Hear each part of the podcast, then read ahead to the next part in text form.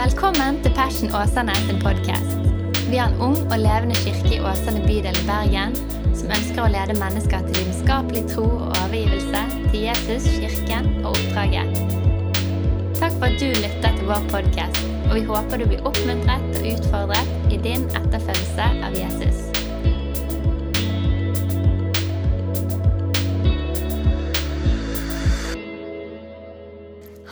Kjære Passion-familie. Så dumt å ikke kunne treffes, men så fint å kunne på en måte treffes likevel. Eh, nå skal jeg få lov å preke i dag, og det er veldig fint. Håper dere har det bra der dere er, eh, og at vi får en fin stund sammen. Prekenserien som vi holder på med for tiden, den er på tre deler og består av fem bokstaver eh, med et enormt eh, innhold og mange assosiasjoner, nemlig kirke. Eh, og forhåpentligvis om to uker, den 9. mai, så håper vi at koronarestriksjonene er sånn at vi kan få være på Kulturhuset. For da er planen nemlig at vi får besøk av en god venn av oss som heter Daniel Koltveit, som er pastor i Oasen menighet nede på Sørlandet. Så det hadde vært veldig kjekt, så la oss gå for det. Vi håper det blir sånn. Daniel, Forrige gang vi hadde gudstjeneste, sparket han i gang denne taleserien her, Kirke. Der han snakket om kirke. Hva tenkte Gud på? Og da snakket Han om Han hadde en massiv gjennomgang av akkurat det temaet, om hva Bibelen sier om menighet, og hvordan kristne opp igjennom har oppfattet menighet. Og han løftet opp noen av bildene som Nytestamentet bruker for å beskrive kirke, bl.a. kirken som Jesu byggverk, som Guds folk og familie, som Kristi kropp og som Kristi brud. Så Hvis du ikke har hørt den talen, så anbefaler jeg virkelig å gå inn og høre den. Men du, kanskje vi tar ber sammen før vi hopper inn i det som blir dagens tekst. Jeg syns jeg har lyst til å takke deg, Gud. Jeg har lyst til å takke deg for at du er nær hos hver enkelt akkurat nå. Jeg har lyst til å takke deg for at du har omsorg for og er med hver enkelt, Gud. Jeg ber om at de ordene som jeg skal få lov å dele, la det få lov til å være til liv for de som hører det. Og jeg ber Gud òg om at det, de ordene vi hører, la det skape tro i oss. Og la det få lov til å få betydning for livene våre, Herre. I ditt gode navn. Amen. Du, så fint. Vi lever i et samfunn som sies å være mer og mer individualistisk. Eh, og når jeg var ungdom Nå må jeg liksom erkjenne at jeg kanskje ikke er like ung enn nå er jeg ung voksen. Eh, men når jeg var ungdom, sikkert sånn her 13-14-12, et eller annet sånt, eh, så var det en artist som sang, en populær sang da, som sang 'What's in it for me'? Altså, hva tjener jeg på det? Og Den holdningen der den tror jeg gjennomsyrer mye av samfunnet vårt. Og kanskje derfor er det ikke så rart at ensomheten heller er større enn noen gang. Eh, og at det, fordi at det ligger en underliggende holdning der som sier at eh, dersom det ikke er gagner meg, så gidder ikke jeg å eh, investere i det. Da investerer jeg verken tiden min, pengene mine, hjertet mitt eh, eller noen ting på det. Og, så går det sikkert an å forklare mye av denne liksom, bevegelsen mot individualisme gjennom ulike historiske begivenheter, men det skal ikke vi ta og prøve oss på nå. Eh, men med bakgrunn i den eh, talen som Daniel hadde forrige gang om kirke, hva tenkte Gud på? Så skal vi hoppe inn i det som er tittelen for denne søndagens preken, nemlig kirke. Hva betyr det for mitt liv? Eller what's in it for me? Ok. Um, skal vi se Sånn. Ja. Eh, vi har alle ulike assosiasjoner til kirke. Eh, og noen av opplevelsene vi har, er nok liksom en smak av himmel. Og noen opplevelser vi har, er kanskje ikke helt akkurat det. Eh, og jeg synes, for å være helt ærlig, synes det er litt sånn vanskelig av og til å skulle snakke om kirke. For på en måte så har man så utrolig mange tanker om det. Eh, mens er det på en måte også vanskelig å skulle være litt sånn nøytral når man skal snakke om det. Av hva er det, hva er det ikke? Hva sier Guds ord at det er? Hva er det det jeg tenker i hodet mitt og alltid har tenkt at det er. Eh, og hvordan skal jeg forholde meg til det? Så det er på en måte, Jeg syns liksom det er fantastisk å snakke om kirke. Samtidig er det litt vanskelig òg. Eh, men så har vi landet på at etter et år med koronarestriksjoner, så tror vi det er skikkelig viktig å si noe om, om det som Bibelen òg sier er veldig viktig. Kirke, eh, de helliges samfunn. Så Derfor har vi lyst til å ha en prekenserie om akkurat dette temaet kirke. Jeg kommer til å ta utgangspunkt i fem punkter for å på en måte highlighte noen av de tingene som Guds ord løfter opp om hva kirke er for noe, og hva det betyr for vårt liv. Og så fins det selvfølgelig masse annet man også kunne sagt, og ulike vinklinger man kan ha, men jeg tror dette er noe eh, som kan sies om, eh, om kirke, og hva det har å si for oss. Så da hopper vi faktisk bare rett inn i første punktet. Kirken, det er Guds idé. I Titus 2,14 så står det 'Han som ga seg selv for oss', for å løse oss ut fra all lovløshet og rense for seg selv et eiendomsfolk som med iver gjør gode gjerninger. Og I Matteus 16, vers 13-18. Så eh, Daniel tok utgangspunkt i det forrige preken. Men der står det om eh, Peters bekjennelse at han liksom bare skjønner at Jesus er Kristus, den levende Guds sønn. Og da sier eh, Jesus noe til ham. Da sier han jeg sier også til deg at du er Peter. Og på denne klippen vil jeg bygge min menighet.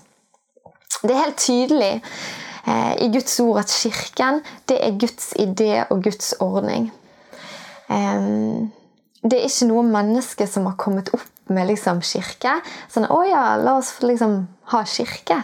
Det er Gud, Gud som har tenkt det. Og han sier, Gud, Jesus sier at det er min menighet. I Romane 11,36 så står det 'For av Han og ved Han og til Han er alle ting'. Han være æren i all evighet. Amen. Ikke det sånne, Jeg syns det er sånne fine, deilige vers. Men noe av det mest frigjørende i mitt liv eh, har vært og er eh, å forstå og Der beveger man seg jo, men i større og større grad så forstår jeg at det handler faktisk ikke om meg. At jeg lever ikke for meg sjøl, ikke for min egen tilfredsstillelse, ikke for min egen suksess eller realisering, men jeg lever for Han. Og det er faktisk ganske bra. Ganske deilig. På samme måte så er ikke Kirken endemålet i seg sjøl. Hvis målet med kirke var å få en velfungerende organisasjon, eh, så viser det seg å være ganske mye vanskeligere enn det man skulle tro. Men i tillegg så tror jeg vi bommer på målet. For kirke det var Guds idé, og, og, og det er pga. Han at vi er kirke. Eh, vi sier jo gudstjeneste. Og hvis du deler det ordet i to, så får du Guds, og du får tjeneste. Og det sier jo noe om at det først og fremst er for Gud at vi møtes. At vi er til, at vi møtes, at vi lever, og at vi retter vårt fokus. Så når vi møtes, så er det Gud som er i sentrum. Hjemme hos oss så kom vi over en sang av Bjarte Leithaug for noen, eh, noen måneder siden. Og da jeg hørte den Jeg har sikkert hørt den da jeg var liten, men jeg hørte den igjen på en måte som voksen, så holdt jeg på å begynne å grine av den sangen. For da kom jeg i berøring av noe av det som jeg tror kirke faktisk er. I den sangen synges det 'Kom, bli med på kirkevei'. Der vet jeg Gud vil møte meg. Jeg sier det en gang til. 'Kom, bli med på kirkevei'. Der vet jeg Gud vil møte meg. Og Noen ganger så tror jeg at kirke kan bli så veldig mye annet i hodet mitt praktiske gjøremål, ting jeg har ansvar for, ting jeg må huske på, sosialprat osv. Og, så og alle de tingene er jo bra. Så det er jo ikke noe gale med det, men jeg tror jeg glemmer mange ganger at kirke er et sted Gud har lyst til å møte meg. Kirke er de hellige samfunn. Det er fellesskapet av de hellige som er overgitt til Gud, og som får møte Han og leve for Han. Så hva betyr dette for meg, for meg, og deg i praksis? At kirke er Guds idé? At det er Han som har tiltenkt det? Jeg tror Noen ganger så har vi tanken om at, at dette med kirke er en praksis som vi har funnet på for å være sosial, for å lage arrangementer, for å treffe en potensiell ektefelle, eh, passe på at vi ikke blir for influert av verden osv. Men i realiteten så er kirke Guds idé, og det er først og fremst til ære for Han. Sånn som romerne sier at for, det, for han og ved han og til han at alle ting er til. Ok, Vi hopper til neste punkt, og det er utrustet. Bibelen snakker veldig mye om å vokse og å bli utrustet. Og noen ganger når jeg, altså når jeg tenker på å bli utrustet, så tenker jeg på Efesene 6, og Bodil eh, delte eh, hadde en preken eh, om Guds fulle rustning for noen søndager siden. Og det å bli utrustet og ha den bekledningen, de redskapene som gjør at du kan stå i den situasjonen du står i uten å bli slått over ende. Og I 1. Korinterne eh, kapittel 12-14 så står det masse om de ulike nådegavene. og Det er helt tydelig når man leser de kapitlene, at det ikke er for den enkelte at man har fått nådegavene. Altså for, jeg har ikke fått nådegaver for, for meg, for å betjene meg sjøl, men det er for de andre. Det er for at de hellige skal bli utrustet. Paulus er også veldig opptatt av at de som tror på Jesus, skal vokse og bli utrustet. Og at vi skal tjene hverandre med de gavene som Gud har gitt oss. Og inni disse kapitlene her der de snakker om nådegaver, så snakker de òg om menigheten. Og de snakker om kirken som, som en kropp. Der Jesus er hodet, og der vi er lemmer på kroppen. Eh, og jeg synes det, eh, når jeg leste de, så tenkte jeg sånn Jeg vet ikke om noen andre er der, men det står liksom at Kristus hode og vi er lemmer på hans kropp. Og så med en gang så begynner jeg å tenke sånn hm, Jeg lurer på hva lem jeg er. Og så kan man gjerne gå dit der man tenker sånn Jeg lurer på om håper jeg er et litt sterkt et, eller et litt stort et, eller iallfall et litt viktig et, eller et, et som er litt fint. sant? Og så er det akkurat som Paulus sikkert allerede skjønte at vi sikkert kom til å gå inn den døren. For litt, litt nedenfor så skriver han Nei, det er heller slik at de lemmene på kroppen som synes å være de svakeste, er de, vikt, er de nødvendige. Og jeg synes Det er så utrolig fint, for det sier meg noe om Gud òg. Gud tenker så mye annerledes enn det vi gjør. Og Gud har gjort det sånn at vi alle er nødvendige, og takk og lov for det. At i kirken så er vi alle nødvendige, og vi alle kommer til bordet med noe. Sånn at, vi, sånn at, vi, andre kan få lov til å bli utrustet. Det du kommer med, gjør at noen andre kan få lov til å bli utrustet. Og det er fantastisk. For i en kirke produserer ikke vi elitemennesker, men vi produserer Jesus-etterfølgere. Der målet er at alle skal vokse og bli utrustet. I Efesene 3, 18-19 så står det For at dere skal være i stand til å fatte, sammen med alle de hellige, hvor stor bredden og lengden og høyden og dybden er. Og å kjenne Kristi kjærlighet som overgår all forstand, for at dere skal bli fylt til hele Guds fylde. Og Dette er sånn vers vi gjerne bare leser gjennom. Og så er det fantastiske vers. Og så når man ser på versene, Veldig mye av det som står i Bibelen, står ikke til deg og til meg. Det står til dere og oss. Vi. sant? Og her òg står det sant? at vi skal få lov til å fatte sammen med alle de hellige. Det er faktisk Jeg tar påstå at det er ikke så veldig mye i det kristne livet du skal gjøre alene. Du skal ta imot mot Jesus personlig, men utenom det så er det, det jeg tror det aller meste du gjør, skal du gjøre i fellesskap. Det er ikke bare et deg. Det er et oss. Og Jeg har lyst til å dele med eh, noe med dere som jeg syns har vært litt vanskelig å forstå noen ganger. For Bibelen sier jo at vi har alltid Kristus. Eh, men så sier han òg at vi skal vokse. Eller han kan si at vi er frelst av nåde, men vi skal arbeide på vår frelse. Og For meg høres det litt ut som paradokser. Og det har jo fått meg, stille, altså fått meg til å stille, spørsmålet sånn Ok, var ikke det helt gratis, det der med frelsen? Eller hvordan var nå dette her? Eh, men jeg liker å tenke på det på denne måten her. Anna og Jakob de er født som Sæbjørnsen. Eh, og de har all rett til å bære navnet. Ingen kan si at de ikke er Sæbjørnsen, eh, eller at de ikke har gjort seg fortjent til å være det, for de er født som Sæbjørnsen. Men de vet fremdeles ikke helt hva det vil si å være Sæbjørnsen. F.eks. hva spiser en Sæbjørnsen? Liker en Sæbjørnsen å danse? Er de flinke til å spille fotball? Um, går de ut etter middag, eller er de inne? Eh, har de lov til å slå hverandre med leker? Det er en høyst aktuell eh, problemstilling for tiden. Eh, hvilke ord bruker de når de snakker?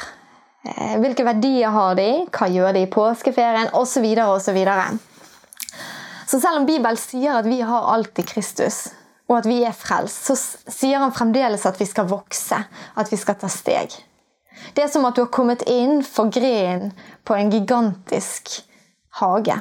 Du kan velge å være der resten av livet, men planen er at du skal få utforske hagen. Og jeg tenker at Når vi er en del av en menighet, så skal vi få lov å vokse. Vi skal få lov til å bli utrustet. Vi skal ikke bare komme akkurat innenfor. For det kan vi. Men planen er at vi skal få lov til å vokse og ta steg. Fordi at planen er ikke Og med kirke, skal vi se. Sånn. Så ser dere hva som står. Um, vi beriker hverandre og vi utruster hverandre med de gavene Gud har lagt ned i oss. Og jeg tror at vi lurer oss sjøl hvis vi tror at kristenlivet er ment å leve, leves alene. For det er det ikke. Det er ikke et soloprosjekt, men det er et sammenprosjekt. Og Gud har gjort oss avhengige av hverandre. Så jeg har lyst til å si det. Hvis du har lyst til å vokse, hvis du har lyst til å bli utrustet til å leve i Jesus etterfølgelse i hverdagen, så len deg innover. Kast deg med. Tør å bruke det Gud har lagt ned i deg, og tør å lære å bli eksponert av det som Gud har lagt ned i andre.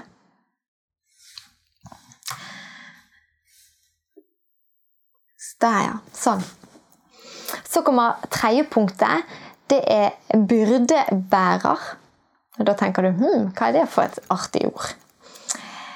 Jeg er glad for at forskning viser at de som er del av en menighet, har sterkere sosiale støttenettverk og mindre depresjon enn folk som ikke er en del av menighet. Men burde vi egentlig bli veldig overrasket over det? Guds ord er jo tydelig når han forklarer hvordan vi skal opptre eh, i møte med hverandre, eh, både i kirken og utenfor kirken. En av tingene som Guds ord sier, er at vi skal bære hverandres byrder. Og I Galatane 6,2 så står det sånn Bær hverandres byrder, og oppfyll på den måten Kristi lov.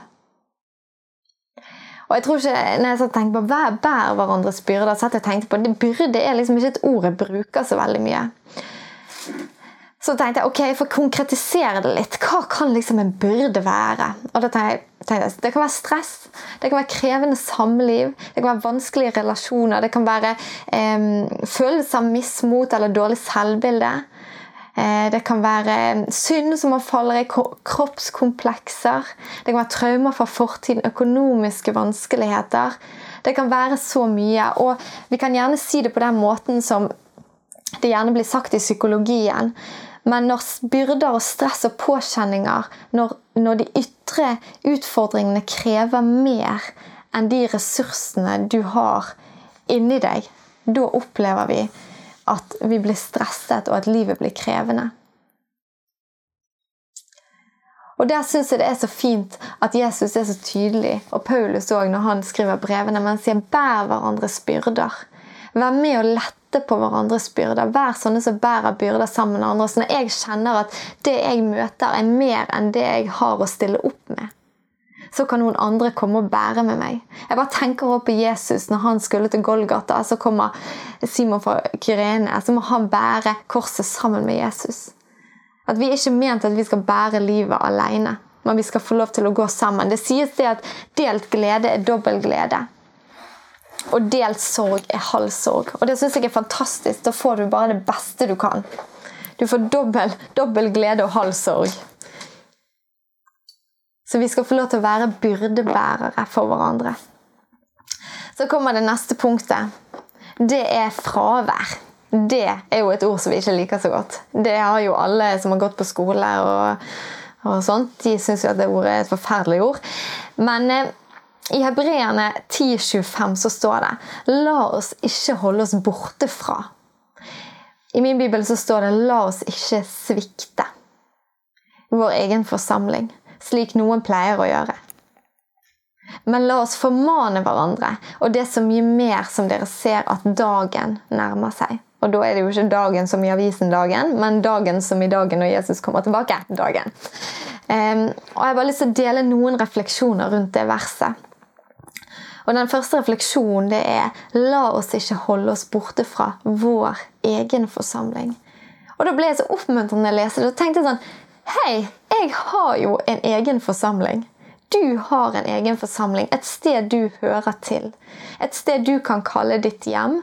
Et sted der du er regnet med. Og, og, der, noe, eh, og der noe mangler hvis ikke du er der. I Apostles gjerninger eh, kapittel 2 vers 47 så står det og Herren, og daglig la Herren dem som ble frelst til menigheten. Og Det er en helt naturlig del av det å ta imot Jesus, å være en etterfølger av Jesus og være lagt til menigheten. I den store betydningen så kan vi jo tenke at vi, at vi blir en del av Guds familie. Den, altså den store himmelske familien. Eh, på samme tid tar ikke bare Gud seg av på en måte det store bildet og evighetsperspektivet, men han tar seg òg av det liksom nærmere bildet. At han plasserer oss i en lokal familie. Og Det blir jo veldig tydelig også når man leser samme kapittel, bare 42-44, så står det jo om hvordan de første kristne levde sammen. Og Da ser man jo på en måte hvor, hvor tett og hvor nært eh, fellesskap de hadde. Så du har altså en egen forsamling. Og kanskje tenker du ja, men det føler jeg ikke. Men jeg har lyst til å si hvis du, fall hvis du tenker at Passion er stedet du har lyst til å kalle hjem, så er du velkommen. Og Da kan du få lov å tenke at dette er min familie, og hvis jeg ikke er her, så er det noe som mangler. For dette her er jeg regnet med. Og Refleksjon nummer to det er la oss formane hverandre. Når du hører det ordet, så har det nok en, eh, gjerne negativ ladning i øret ditt. Eh, for mange av oss tenker på å bli formant som noe negativt. Men å formane i Bibelen det blir brukt om veiledning og irettesettelse, så sikkert noen ganger kan være litt sånn rett på. Men aller mest så blir det brukt om trøst, oppmuntring og oppfordring. Det er altså et positivt ladet ord. Så la oss altså formane hverandre. La oss ikke holde oss borte fra forsamlingen vår. La oss ikke holde oss borte fra vi kaller, det vi kaller hjem. For de trenger at jeg er der. De, jeg kommer til noe eh, til bordet med noe som de andre trenger. Og så kommer refleksjon nummer tre, og denne har, vi, eh, denne har tror både meg og Daniel sikkert delt til det kjedsommelige, men jeg syns den er bra. Det er Reidar Paulsen, tidligere pastor i Kristkirken, som sier det at han ble spurt en gang om han, eh, om han kunne være kristen eh, og ikke være en del av en menighet. Og da svarte Reidar det vet jeg ikke, for Bibelen snakker ingenting om det. Med andre ord, Bibelen løfter faktisk ikke fram et annet alternativ enn menighet. Det er den ordningen Gud har valgt for oss, at vi skal være en del av en menighet. Det vil, det vil, selvfølgelig ikke si at man ikke skal være på arbeidsplassen, at man skal være ute i samfunnet. Det er ikke det det betyr, men det betyr at vi har et hjem som vi tilhører, og som vi på en måte aktivt er en del av. Jeg har lyst til å si det, jeg er enkeltskrudd sammen. Jeg fordrar ikke alternativer og valg. Så det at når, når, jeg hører ting som dette her sånn Det vet jeg ikke. Bibelen sier ingenting om det. Så tenker jeg yes! Det er ikke et alternativ. Jeg trenger ikke ta et valg engang. Jeg bare gjør det det sier. Så det Hvis noen er skrudd sammen sånn som meg, så er jo, syns jo de dette her bare er helt fantastisk. Og sikkert noen syns ikke at det er så fantastisk. Men uansett. Så kommer neste eh, siste punktet, og det er tro. Skal vi se her. Eh, og der har jeg lyst til å si I, i Hebreerne 11,6 så står det men uten tro er det umulig å være til behag for Han. For den som kommer til Gud, må tro at han er til, og at han er den som belønner den som søker han med iver. Eh, tro er essensielt. Og jeg har lyst til å si, når man er en del av en menighet Og nå tenker jeg kanskje spesielt på gudstjenestene så får man høre forkynnelse, og man lovsynger. Jeg har lyst til å si det om forkynnelse, men i Romane 10-17 så står det så kommer troen av budskapet en hører. Og det en hører, kommer ved Guds ord. Å høre Guds ord forkynt, det skaper tro i oss. Og når vi og når vi hører Guds ord, og det skaper tro i oss, så begynner vi å leve som om Gud faktisk finnes. Da begynner jeg å tenke sånn Når jeg hører om hvem Gud er, jeg hører Guds ord forsynt, så skaper det en tro i meg som sier at ja, Gud er god. Han vil det beste for livet mitt. Og så begynner jeg å leve sånn i hverdagen min. Så begynner jeg å leve som at Gud, jeg trenger at du griper inn økonomisk. Eller Gud, jeg trenger at du hjelper meg i denne relasjonen. Gud, jeg trenger at du gir meg fred her. Så begynner jeg å leve som om at han finnes, og at han griper inn. Og så kommer vi til lovsang. Og jeg har lyst til å dra inn lovsang. Eh, sikkert Nå er det noe av flere grunner, men jeg skal fortelle noe. Jeg leste et sted at en bibelsk menighet lovsynger sammen. Det var liksom tittelen. Og jeg tenkte ok, er det ikke en litt sånn bombastisk slutning å trekke? Men så leste jeg videre eh, det som sto der. Og da var det en haug med eksempler og grunner til at vi skal lovsynge sammen. Tilbe Gud. Paulus og Silas de tilba i fengselet. Paulus løfter opp sang og salmer i sine brev eh, til korinterne og fesene. I Hebreerne 13,15 så står det La oss derfor ved Han alltid bære fram lovprisningsoffer for Gud, dvs. Si frukt av lepper som lover Hans navn. Det som skjer når vi møtes, når vi lovsynger sammen, det er at vi i et samstemt sinn og med våre stemmer, liksom uttalte ord som vi hører, gir Gud ære, forteller om hvem han er. Eh, og på den måten proklamerer vi sannhet, og vi er med å skape tro i hverandre. Og Daniel han har sagt en million ganger til meg under korona. Han sier sånn 'Å, Helene, jeg savner sånn lovsangstunder sammen med menigheten.' Og jeg, jeg er så enig med han. Jeg merker at når jeg kommer sammen med andre, får lov å lovsynge, så skaper det noe i meg. Det skaper tro. Tro på den Gud er. Tro på det Gud har sagt. Og så tror jeg òg at vi kommer jo i kontakt med noe av det vi skal få lov til å gjøre i evigheten. Nemlig å tilbe Gud og ære Han i himmelen. Så jeg tror at det er, det er en sånn fantastisk gave til oss, det å få lov til å lovsynge. Så ok. Jeg har helt på slutten så har jeg lyst til å lese eh, Nei, jeg har lyst til å lese noe for dere. Jeg satte meg ned og så tenkte sånn Hva er jeg takknemlig for med kirke? Og så kan du kjenne, kjenne om du kanskje kjenner deg igjen i noe av det, og kanskje har du mange flere andre ting. Men jeg har lyst til å lese for dere det jeg skrev. Um, som jeg kjenner jeg er takknemlig for med kirke. Jeg er takknemlig for at Kirken har vist meg veien til livet med Jesus. Jeg er takknemlig for at jeg får lovsynge Jesus sammen med andre. Jeg er takknemlig for at, kan, eh, at andre kan dele åpenbaringer med meg som jeg ennå ikke har fått. Jeg er takknemlig for at jeg har mennesker rundt meg som oppriktig bryr seg om meg og familien min. Jeg er takknemlig for at andre kan be sammen med meg og for meg i de tingene som jeg står i. Jeg er takknemlig for at jeg har et fellesskap som er med å lære barna mine opp til å kjenne og elske Jesus, og som er med å oppdra dem. Jeg er takknemlig for, at, for å ha gode relasjoner til mennesker som er en annen alder og en annen livssituasjon enn det jeg er. Jeg er takknemlig for at jeg får bruke mine gaver på å tjene andre. Jeg er takknemlig for at jeg gjennom andre får høre vitnesbyrd, bønnesvar og opplevelser som andre har hatt med Gud. Jeg er takknemlig for at jeg blir utsatt for personligheter, hobbyer, tanker som utfordrer meg, og som jeg nødvendigvis ikke hadde vært rundt hvis ikke. Jeg er takknemlig for en opplevelse av at mennesker står med meg. Både i gleder og i sorger. Jeg er virkelig takknemlig for kirke. Og helt til slutt har jeg lyst til å dele en illustrasjon som jeg tenker kan være beskrivende for kirke. Har du sett gjess som flyr på himmelen? De skal til Syden, og jeg tipper gid vi alle var gjess i koronatiden som kunne fly til Spania. Eh, parentes slutt. Men de flyr i trekantformasjon. Det sies faktisk at ved å fly i V-formasjon får fugler 71% bedre flykapasitet i flokken enn en fugl som flyr alene. Man har jo alltid den ene som hadde tenkt seg en annen vei enn de andre. Men 71 eh, bedre flykapasitet hvis man flyr i V-formasjon.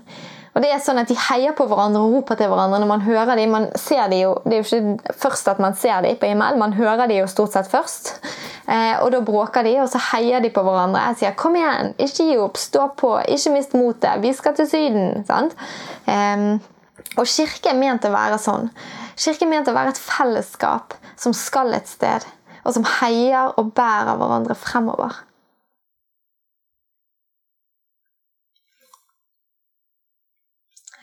Så formaningen for denne søndagen er gitt. Tør å tro at Gud har ordnet det sånn at vi skal få være en del av et fellesskap.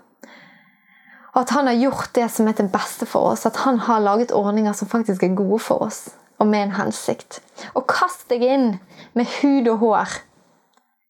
Og la det ikke bare være en aktivitet som vi besøker når det passer, men la det være en del av din identitet og familien der, som du lever livet ditt sammen med. Ja. Og så måtte jeg ta med et litt morsomt bilde på slutten. Der det står sånn Se, der drar flokken til Gåsmund. Han var aldri særlig flink med bokstaver. Og da tenkte jeg på det sånn Åh, Gud, måtte passion alltid være sånn som du har tiltenkt at det skal være. La det være en kirke som er sånn som eh, ditt ord løfter fram at en kirke skal være. At vi ikke flyr, rundt, eh, at vi ikke flyr til Syden som en F. holdt jeg på å si. At vi eh, fyker av gårde, og så brenner vi alt kruttet vi har fordi at vi ikke lever sånn som Gud hadde tenkt at vi skulle gjøre det. Så jeg syns den der var fin.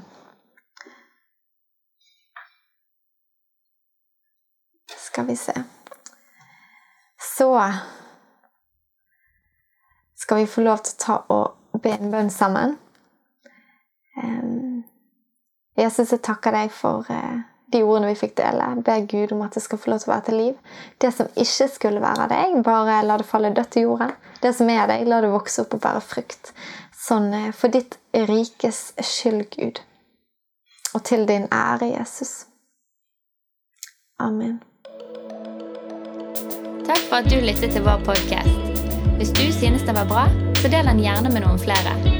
Vil du vite mer om hvem vi er, hva som skjer, og kanskje besøke en av våre gudstjenester, se vår nye hjemmeside på fashionåsane.no, eller følg oss på sosiale medier. Helt til slutt, ta imot Herrens velsignelse. Herren velsigne deg og bevare deg. Herren la sitt ansikt lyse over deg og være deg nådig. Herren løfter sitt åsyn på deg og gir deg